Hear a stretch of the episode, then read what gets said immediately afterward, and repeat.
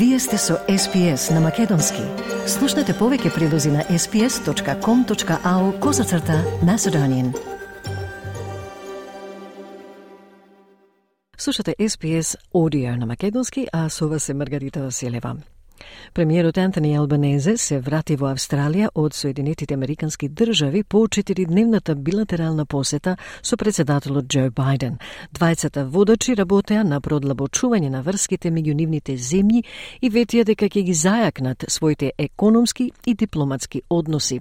Но како што известуваат Ана Хендерсон и Анджелика Уейт за SBS News, времето на господинот Албанезе дома ќе биде кратко, при што подготовките за неговата посета на Кина веќе се во тек.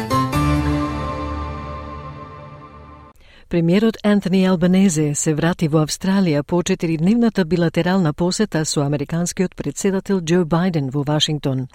Господинот Албанезе ги нарече Соединетите Американски држави најважниот сојузник на Австралија и рече дека состаноците биле многу продуктивни. We put forward Australia's national interests, uh, but it is in Australia's interest to engage in the world And the United States is, of course, a great democracy.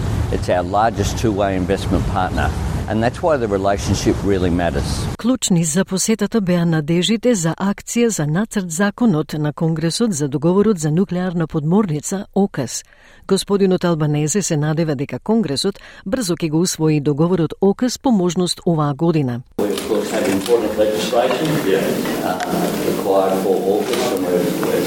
We uh, that uh, the uh, Congress uh, can pass that legislation this year. Иако подпишувањето од страна на Конгресот не е обезбедено, председателот Џо Бајден вели дека ќе даде се од себе за да се оствари договорот. Do you know anyone in elective office can give a personal guarantee that happens? Well, we'd like you to try. No, I'm going to try and I believe it will get done. Look. Во пресред на масовното пукање во Мейн, законите за оружје во Австралија беа пофалени и од подпредседателката Камала Харис, која рече дека Австралија дава силен пример за ова прашање. Gun violence has terrorized and traumatized so many of our communities in this country. And let us be clear It does not have to be this way, as our friends in Australia have demonstrated. Прашањето за Джулијан Асанж исто така беше покренато, при што премиерот потврди дека директно го покренал притворот на основачот на Wikileaks но ставот на САД се чини дека не се поместува, а портпаролот за националната безбедност Џон Кърби рече дека тоа е прашање за екстрадиција на Министерството за правда. Сега, по повторното враќање во Австралија, на премиерот му остануваат само неколку дена пред повторно да замине во странство. Господинот Албанезе ќе отпатува за Кина во ноември за да се сретне со председателот Кси Джинпинг. Пекинг изрази силни критики за сојузот ОКС, а Соединетите Американски држави и Австралија за возврат беа предпазливи за напорите на Кина да го прошири своето влијание во Индопацифичкиот регион. Господинот Албанезе истото го кажа во говорот во Вашингтон, велики дека Кина стана, цитат, тест на нашето време и дека сојузниците сметаат дека е нивна одговорност да го заштитат меѓународниот поредок заснован на правила.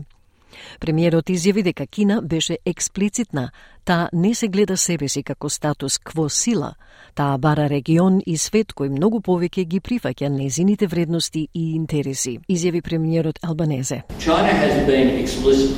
It does not see itself as a status quo power.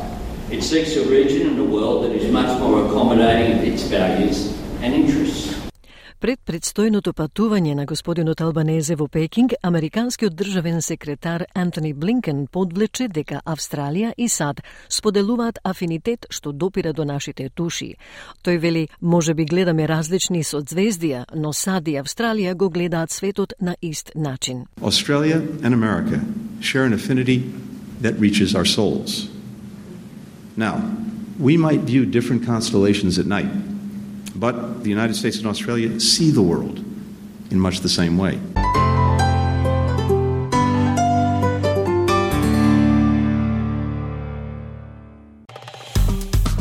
Стиснете, ми се допаѓа, споделете, коментирајте. Следете ја SPS на Македонски на Facebook.